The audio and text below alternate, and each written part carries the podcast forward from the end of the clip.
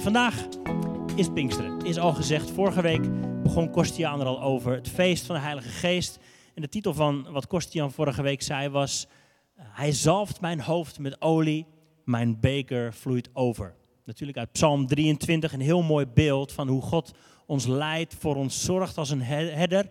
Maar ook hoe hij de Heilige Geest wil geven. Hij zalft ons hoofd met olie en mijn beker vloeit over. En de vraag die hij vorige week stelde, wil ik eigenlijk weer stellen. hey, hoe is het met jouw beker dan? Hoe gaat het met je beker? Is die half leeg? Is die half vol? Is die helemaal leeg? Zie je het nog zitten? Of ben je in een tijd van overstromen en uitdelen? En we kennen allemaal al die fases. De fase van je leeg voelen, het even niet meer weten, de weg kwijt zijn. Misschien verdrietig, boos, bang. Is je beker leeg? Dan ben je vandaag op de juiste plek om te laten vullen opnieuw met de goedheid van God. En dat is wat ik voor vandaag hoop, is dat we daar opnieuw van onder de indruk raken van Gods grootheid, van zijn nabijheid, van zijn liefde, van zijn leiding, van het werk wat de Heilige Geest in ons wil doen. Dat is wat ik hoop voor ons vandaag. Dat we onze ogen op Hem opnieuw kunnen richten. Wat we net zongen in dat ene lied. Let us become more aware of your presence. We kunnen ons bewust zijn van een heleboel dingen die om ons heen gebeuren en daardoor onderdrukt worden en daar de hele tijd mee bezig zijn. Maar we kunnen ons ook bewust worden van de aanwezigheid van die goede God. we gaan lezen uit Handelingen 2, natuurlijk. En daarna gaan we nog wat andere teksten lezen. Handelingen 2 is, eventjes een achtergrond, de tijd nadat Jezus is opgestaan uit de dood naar de hemel is opgevaren. Dit is ongeveer 50 dagen, of ongeveer 50 dagen na Pasen. Na de opstanding van Jezus, 10 dagen na hemelvaart, komen we aan bij dit verhaal. De discipelen moesten wachten. Weet je nog, Jezus had ze gezegd: wacht tot je kracht zult ontvangen. Wacht tot je kracht zult ontvangen. En hier is die dag aangebroken. Toen de dag van het Pinksterfeest vervuld werd, waren zij alle alle discipelen, de, volgelingen van Jezus, waren zij eensgezind bijeen. En plotseling kwam er uit de hemel een geluid als van een geweldige windvlaag. En het vervulde het hele huis waar ze zaten. En aan hen werden tongen als van vuur gezien, die zich verdeelden. En het zat op ieder van hen. En ze werden alle vervuld met de Heilige Geest. En ze begonnen te spreken in andere talen, zoals de geest hun gaf uit te spreken. Nu woonden er Joden in Jeruzalem, godvrezende mannen uit alle volken die er onder de hemel zijn. En toen dan dit geluid klonk, kwam de menigte samen en raakte in verwarring, want ieder hoorde hen in zijn eigen taal spreken. En ze waren alle buiten zichzelf en ze verwonderden zich. En ze zeiden tegen elkaar, zijn dat niet alle Galileërs die daar spreken? Hoe kunnen wij hen dan horen? Ieder in onze eigen taal waarin we geboren zijn. Parten, Mede, Elamieten en zij die inwoners zijn van Mesopotamië, Judea, Cappadocië, Pontus, Azië, een hele lijst. We horen hen in onze taal over de grote werken van God spreken. En ze waren alle buiten zichzelf en ze raakten in onzekerheid. En de een zei tegen de ander, wat wil dit toch zeggen? Wat wil dit toch zeggen? En daarna kun je verder lezen in dit verhaal dat Petrus begint te vertellen. Hij staat op. Petrus, weet je nog die ene die Jezus verraden had? De man die misschien in onze cultuur wel helemaal buitenspel was gezet. hij was af. Hij heeft iets fouts gedaan. Dat is nu helemaal in natuurlijk. Vooral tegen iedereen zeggen wat je allemaal niet doet, wat deugt. Of wat niet deugt, sorry. En je bent af. Maar Jezus had hem hersteld. Hij heeft gezegd, jij hoedt mijn schapen. Hij roept hem weer terug. Hij vergeeft hem en hij stelt hem aan. En deze Petrus, die ooit gefaald had, maar nu weer in ere hersteld was, hij stond op en hij begint te spreken en hij legt uit wat er nou eigenlijk gebeurd is. Hij begint hen uit te leggen over het goede nieuws van Jezus, over de koningschap van Jezus. En hij vertelt ze hoe het zit. En daarna lezen we verder, er staat dit, toen ze dit hoorden, werden ze diep in het hart geraakt en ze zeiden tegen Petrus en de andere apostelen, wat moeten we doen? En Petrus zei, bekeer je en laat je dopen in de naam van Jezus Christus tot vergeving van zonde en u zult de gave van de Heilige Geest ontvangen. Want voor u is de belofte en voor uw kinderen en voor alle die ver af zijn, zoveel als de Heer onze God ertoe roepen zal. En met veel meer andere woorden legde hij getuigenis af en spoorde hen aan met de woorden: Laat je behouden uit het verkeerde geslacht. Zij nu, die zijn woord met vreugde aannamen, werden gedoopt. En ongeveer 3000 zielen werden er op die dag aan hen toegevoegd. En ze volharden in de leer van de apostelen en in de gemeenschap, in het breken van het brood en in de gebeden. Het is natuurlijk een bekend verhaal. Als je opgegroeid bent in de kerk, of maar enigszins iets weet van de kerk of het christelijk geloof, dan is het een bekend verhaal. De geboorte van de kerk, de uitstorting van de Heilige Geest op Pinksteren. Maar helemaal aan het begin van dat eerste stukje staat, toen de dag van het Pinksterfeest vervuld werd. En als we 1200 jaar eerder kijken, dan zien we eigenlijk een voorafschaduwing van wat hier gebeurt. Als je rond die tijd geleefd had en een beetje bekend was met het, het Joodse geloof, het Joodse volk, dan wist je, dan zag je zoveel gebeuren op die Pinksterdag, wat raakvlakken had met wat 1200 jaar eerder gebeurde. Namelijk het geven van de wet. Het geven van de wet. Het is een soort voorafspiegeling van wat God hier doet. En we gaan dat stuk ook lezen uit Exodus 19. Ik geloof dat als we dat lezen en snappen, wordt het verhaal zoveel rijker. Het verhaal van de gave van de Heilige Geest. We maken deel uit van een zoveel grotere geschiedenis. Het was hier zo druk in Jeruzalem omdat het Shavuot was. Het was een groot feest voor het Joodse volk. Ze waren uit alle landstreken bij elkaar gekomen om hier dat feest te vieren. Het feest van het ontvangen van de wet. Daar blikten ze op terug. Het feest van de, de eerstelingen van de oogst was het ook wel. Het wekenfeest. Want dit was namelijk zeven weken na Pesach. Nadat ze hadden gevierd de uittocht uit Egypte. De bevrijding uit slavernij. God die zijn volk vrijmaakt. En vijftig dagen daarna is dit feest. We gaan terug naar Exodus. Ik zei het al, God heeft zijn volk bevrijd uit slavernij. Honderden jaren lang waren ze slaaf geweest, maar God had zijn volk bevrijd. Door de Rode Zee, in de woestijn, op weg naar het beloofde land. En nadat ze ongeveer 40 dagen onderweg waren, gebeurt dit. In de derde maand, op dezelfde dag dat de Israëlieten uit het land Egypte waren vertrokken, kwamen ze in de woestijn Sinaï. En ze braken op vanuit Rafidim, kwamen in de woestijn Sinaï en sloegen hun kamp op in de woestijn.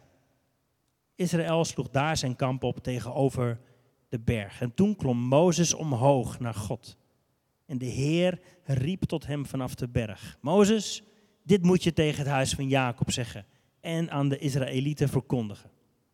Je hebt zelf gezien wat ik met de Egyptenaren gedaan heb en hoe ik jullie op arendsvleugels gedragen heb en bij mij gebracht heb. Nu dan, als u nauwgezet mijn stem gehoorzaamt en mijn verbond in acht neemt, dan zult u uit alle volken mijn persoonlijk eigendom zijn. Want heel de aarde is van mij. Maar u dan? U zult voor mij een koninkrijk van priesters en een heilig volk zijn. Dit zijn de woorden die u tot Israël moet spreken. Mozes kwam terug en hij riep de oudsten van het volk en hij hield hun deze woorden voor die de Heer hen geboden had. En toen antwoordde heel het volk en zei, alles wat de Heer gesproken heeft, zullen we doen. En Mozes bracht de woorden van het volk weer over aan de Heer. En de Heer zei toen tegen Mozes, zie, ik kom naar je toe in een dichte wolk, opdat het volk het kan horen wanneer ik met u spreek. En opdat zij ook voor eeuwig in u geloven. En Mozes maakte de woorden van het volk aan de Heer bekend. En hij zei tegen Mozes, ga naar het volk toe, heilig hen vandaag en morgen. En laten zij hun kleren wassen en over drie dagen gereed zijn. Op de derde dag zal de Heer namelijk voor de ogen van heel het volk neerdalen op de berg Sinai.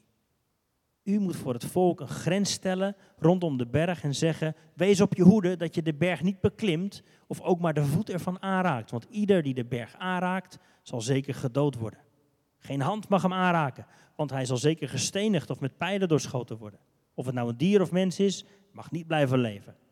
Pas als de ramshoren een langgerekte toon laat horen, dan mogen ze de berg beklimmen. Mozes daalde weer van de berg af naar het volk en hij liet het volk zich heiligen en ze wasten hun kleren. Hij zei tegen het volk, wees over drie dagen gereed en nader niet tot een vrouw.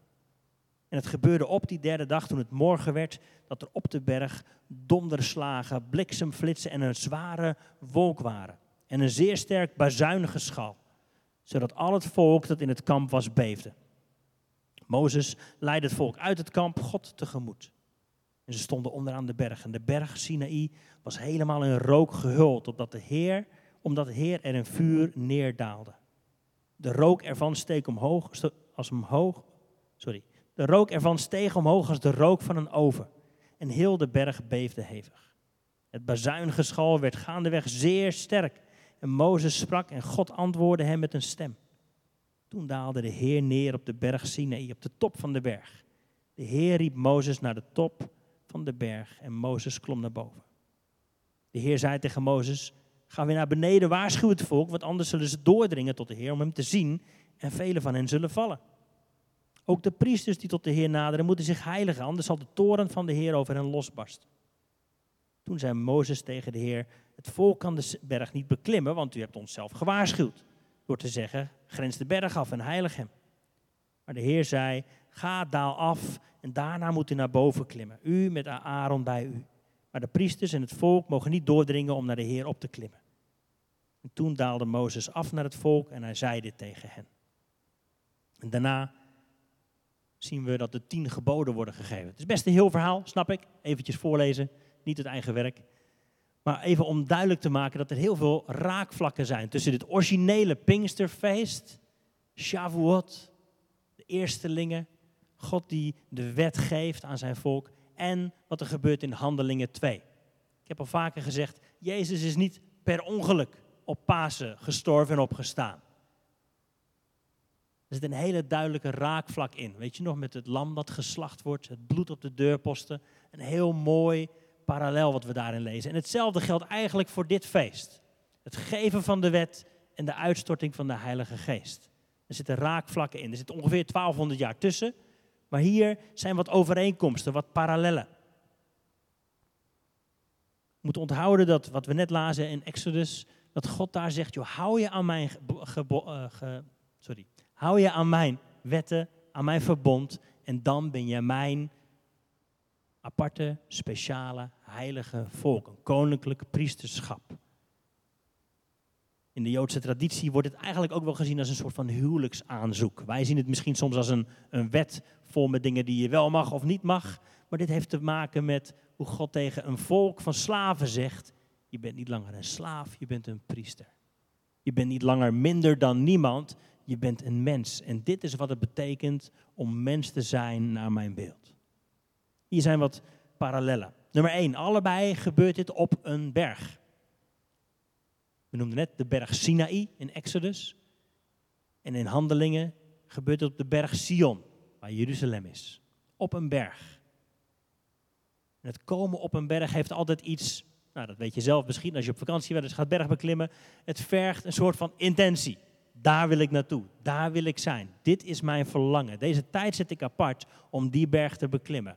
Het heeft een intentie in zich, een moeite, een zeker weten, daar ga ik voor. Deze tijd zet ik apart. Hoe is het met jouw berg? Heb jij deze tijd apart gezet? Misschien zijn we dat ondertussen weer een beetje afgeleerd in de afgelopen ruim een jaar. Om op zondagochtend, tien uur, half elf, ben je er. Heb je je tijd apart gezet om als het ware de berg van God te beklimmen. Te zeggen, deze tijd zet ik apart om in zijn aanwezigheid te zijn. Hoe is het met jouw berg? Op zondag door de weeks.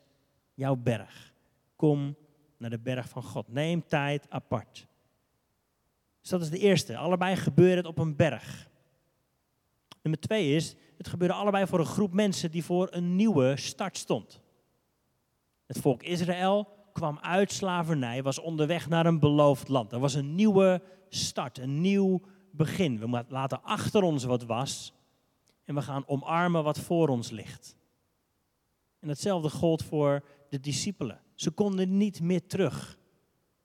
Er was een nieuwe tijd beloofd. Jezus had gezegd: Wacht totdat je met kracht gevuld bent en dan zul je mijn getuige zijn. Hier is een nieuwe identiteit voor je, een nieuwe opdracht. Maak alle volken tot mijn discipelen. Ze konden niet meer terug. Ze waren niet meer die groep bange, onzekere mensen. Ze waren niet meer die twijfelaars. Ze hadden een nieuwe identiteit. Allebei een groep mensen met een nieuwe start. Mooie vraag voor jou en mij. Wat, wat mag jij achterlaten, zodat je dat nieuwe kunt gaan omarmen? Misschien denken wij dat we geen slaaf zijn, zoals Egypte uh, een slaven, uh, slaven had, zoals Israël daar slaaf was. Maar als we ons leven onder de loep nemen en denken, hoe, hoe word ik nog beheerst door, door geld? Hoe word ik nog beheerst door nou, erbij horen? Hoe word ik in mijn gedachten nog beheerst door altijd meer willen hebben of altijd zoeken naar winnen in plaats van verliezen? Dat zijn de slavernij, uh, dat is de huidige slavernij in ons denken. Dat mogen we achter ons laten. We hebben een nieuwe identiteit. We zijn Gods koninklijke priesters. Wat mag je achter je laten? Nummer drie dan. Het is allebei eigenlijk een relatief kleine en onbetekenende groep. Natuurlijk was het best een volk wat in de woestijn was, wat uit Egypte was getrokken. Maar het stelde in de ogen van de rest van de wereld helemaal niet zoveel voor. Het was een klein groepje. Het was een onbeduidend volkje. En het gold ook voor de discipelen. Het was een kleine groep mensen. Maar dit is het goede nieuws. God begint altijd iets groots door iets kleins te planten. De uittocht uit Egypte begon met de geboorte van een klein babytje, Mozes. De bevrijding van de wereld begon met de geboorte van Jezus. En hoe verleidelijk is het voor ons om te kijken naar alle grote, in het oog sprekende dingen, springende dingen. Terwijl God zegt, weet je wat, ik wil iets kleins doen in jouw leven. Heb je oog voor de kleine dingen. Zullen we weer gevoelig worden voor dat wat de Heilige Geest wil doen. Een andere overeenkomst is een soort eensgezindheid. In handelingen lezen we dat. Ze waren eensgezind bij elkaar. In Exodus ook, het hele volk had zich geheiligd. Wist, deze tijd moeten we apart zetten, we moeten onze kleren wassen. Hier zijn we samen. Eensgezind. En dat is denk ik wat, wat geprobeerd is in elk geval om te roven afgelopen jaar van ons. Het is heel makkelijk geweest om elkaar kwijt te raken, om elkaar los te laten. Ook als kerk, in kerk in Nederland, kerk in Ede. Maar hier de uitnodiging om weer eensgezind te zijn. Komen we eensgezind bij de berg van God? Zijn we eensgezind aan het bidden? Verwachten we eensgezind Gods ingrijpen? Dat is ook een overeenkomst. Nummer vijf een andere overeenkomst tussen Exodus en handelingen. Allebei de keren gaat het om een cadeau van God. Iets wat God initieert. Iets wat Hij wil geven aan zijn mensen. Het is niet iets wat wij moeten verdienen. God initieert dit. God, God geeft de wet aan zijn volk. God geeft de Heilige Geest aan zijn volk. Onze taak is ontvangen en zeggen inderdaad, ja Heer, dit ontvangen we en hier willen we mee leven. Onze, ons, ons part, ons deel is, wij houden ons aan dit verbond. Excuus. Vuur. Ook zoiets. Dat zien we in allebei de, allebei de verhalen terug. Vuur op de berg, vuur als tongen boven de discipelen. Een overeenkomst. Nogmaals, als je een Jood was geweest in die tijd, sprong dit verhaal van Exodus meteen in het zicht. Dit is wat God opnieuw aan het doen is. Een andere overeenkomst met een verschil erin. In Exodus 32 lezen we, dus een paar hoofdstukken verderop, als de hele wet is uitgelezen, dan lezen we dat, dat het gouden kalf er komt. Weet je nog? De mensen konden niet wachten en wilden een andere God. Ze wilden iets tastbaars en ze gingen aanbidden. We weten dat dat verkeerd afliep. En die dag staat er, Exodus 32, in die dag stierven er 3000 mensen. In handelingen lezen we, wat moeten we doen om gered te worden? En die dag staat er, werden er 3000 zielen toegevoegd. Niet toevallig, een hele mooie parallel. Daar waar de dood kwam, wordt nu nieuw leven gebracht. Een andere parallel met een verschil. In Exodus staat er een paar keer, jongens, aan de kant. Niet aan die berg komen. Wegwezen, anders ga je dood. een hele duidelijke waarschuwing. Pas op, dit is heilig gebied. Je mag niet zomaar komen, staat er. Anders dan de toren van God. En wat er in handelingen gebeurt, is eigenlijk het tegenovergestelde. Dat God zegt, ik kom dichterbij. Het vuur, je kunt er niet aan ontsnappen. Hier is het. God brengt het vuur dichtbij, de Heilige Geest die in de mensen komt zelfs. En ook daar weer, hè, wat we in, in Exodus lazen, heel veel uh, uh, gedonder, bliksem, wind. En ook in handelingen lezen we dat. Het, het werd gevuld, het hele huis kwam, werd gevuld met een windvlaag. Een andere, volgens de Joodse overlevering, een andere overeenkomst volgens de Joodse overlevering, was die donder die we daar horen. Het woord daarvoor betekent talen. En volgens de Joodse overlevering, de verhalen van de afgelopen eeuwen, werden er inmiddels in 70 talen werd het woord van God, werd de wet van God gehoord. Ook toen de tijd waren er al veel talen die daar aanwezig waren. In elke taal van de hele wereld, als het ware, werd dit gehoord. God sprak in alle talen vanaf de berg. Dat zien we ook in handelingen gebeuren. Iedereen sprak een andere taal, zodat de hele wereld die daar vergaderd was, die kon het horen. Opnieuw een hele mooie overeenkomst. De hele wereld is geïncludeerd, hoort erbij. En de laatste die ik nu wil noemen is, de wet werd eerst geschreven op stenen tafelen. In Exodus en in de handelingen wordt de wet geschreven in ons hart. Net zoals Jeremia dat al voorzegd had. Voorzeker, dit is het verbond, zegt de profeet daar, dat ik na die dagen met het huis van Israël sluiten zal. Ik zal mijn wet in hun binnenste geven en ik zal die in hun hart schrijven. Ik zal hun tot een God zijn en zij zullen mij tot een volk zijn. Wat een overeenkomst, wat een mooie beelden. En wat kunnen we daaruit leren? Uit de wet van God die in ons hart geschreven wordt. God die zelf uitreikt. God die zelf zijn volk apart zet. En zegt, jullie zijn mijn koninklijke priesters. Jullie zijn mijn heilige volk. Het werd al voorzegd, Abraham werd al voorzegd, Abraham, in jou zullen alle volken gezegend worden. God is nooit op zoek naar een exclusief klein groepje.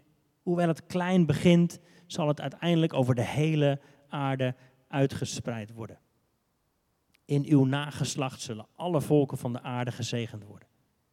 En wat er voor mij, voor mij uitsprong opnieuw was waar het eigenlijk mee begon. God die tegen Mozes zegt, joh, als je dit doet, dan ben jij uit alle volken, zijn jullie mijn heilige volk. In 1 Petrus 2 lezen we dit. We hebben dat eerder gebruikt als, als jaarthema voor onze gemeente. Een paar jaar geleden hebben we hier uitvoerig naar gekeken. Wordt dit gezegd. U bent een uitverkoren geslacht. U bent een koninklijk priesterschap. Dit zegt Petrus tegen de volgelingen van Jezus. U bent een heilig volk, een volk dat God zich tot eigendom maakte, opdat u de deugden zou verkondigen van Hem, die u uit de duisternis geroepen heeft tot zijn wonderbaar licht. Dit heeft te maken met een stuk identiteit, een roeping. Dit is hoe je gemaakt bent, dit is hoe je bedoeld bent. Dit werd al gezegd tegen het volk Israël en het wordt opnieuw tot jou en mij gezegd. Volgelingen van Jezus. Dit is de rode draad die we zien door de hele Bijbel. Gods verlangen dat jij en ik koninklijke priesters zijn. Opdat u de deugden zou verkondigen van Hem die u uit de duisternis geroepen heeft. En dat is ook wat we zien gebeuren bij Pinksteren. Deze bange discipelen die in een bovenkamer zaten Jezus was weg, maar ze wisten niet waar ze nu naartoe moesten gaan, wat ze nu moesten doen. De Heilige Geest vult hen en er was een nieuwe identiteit. Ze waren niet langer angstig, bang, alleen. Ze waren in één keer dapper, vol vrijmoedigheid. Ze stonden op en ze vertelden het goede nieuws. Van angst naar vrijmoedigheid. En dan dit is ook een mooi beeld. Het gevolg van Pinksteren is dat de wet wordt op ons hart geschreven. Je kent waarschijnlijk de uitdrukking wel, het is op het lijf geschreven. Dit gaat nog een stukje dieper. Deze wet is iets wat God in, je, in jouw hart wil volbrengen, uitwerken. Dat je de wil van God gaat doen. Dat je afscheid neemt van je identiteit als slaaf in deze wereld en een nieuwe identiteit aantrekt als Gods geliefde kind. Een ander gevolg is dat de kerk groeit.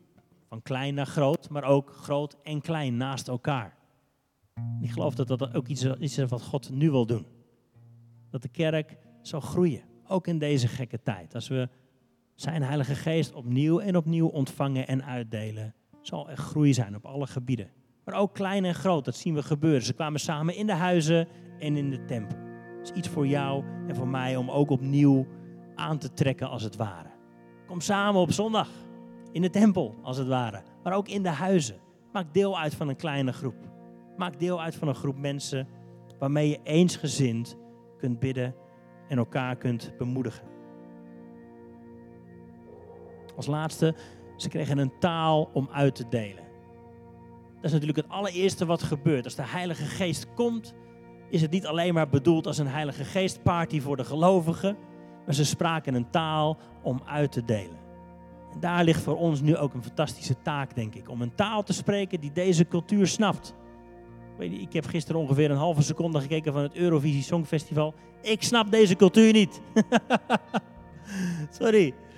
Ik geloof wel dat God ons een taal wil geven die zij snappen. Mooi wat ik zeg, dat God ons een taal wil geven die je buurman snapt, die jouw collega snapt. Een creatieve taal om te vertellen van de goedheid en de grootheid van God. Op zo'n manier dat harten geraakt zullen worden. En of dat nou is in, in de politiek of in de media of in cultuur of op je werk, financiën. Ik geloof dat God jou een taal wil geven waarmee je uit kunt gaan reiken. Je vragen om te willen gaan staan, dan gaan we zo samen bidden. Dit hebben jij en ik vandaag ook nodig om opnieuw en opnieuw en opnieuw vervuld te worden met de Heilige Geest. En dat het niet alleen maar van buitenaf is, maar dat het van binnenuit gaat groeien. Dit verlangen, wat we net ook zongen, stir a passion in my heart.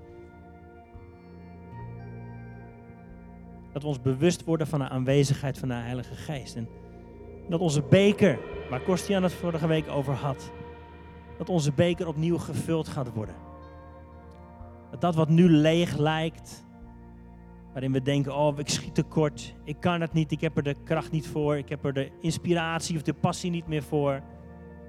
Dat we hoeven te zeggen, Heere God, vul mijn beker. Vul mijn beker. Wilt u van mijn water wijn maken die over zal stromen?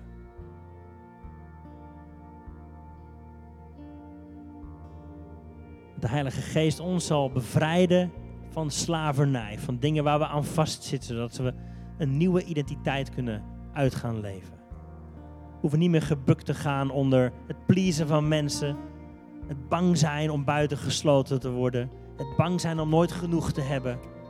Die angst zal kunnen verdwijnen door de kracht van de Heilige Geest.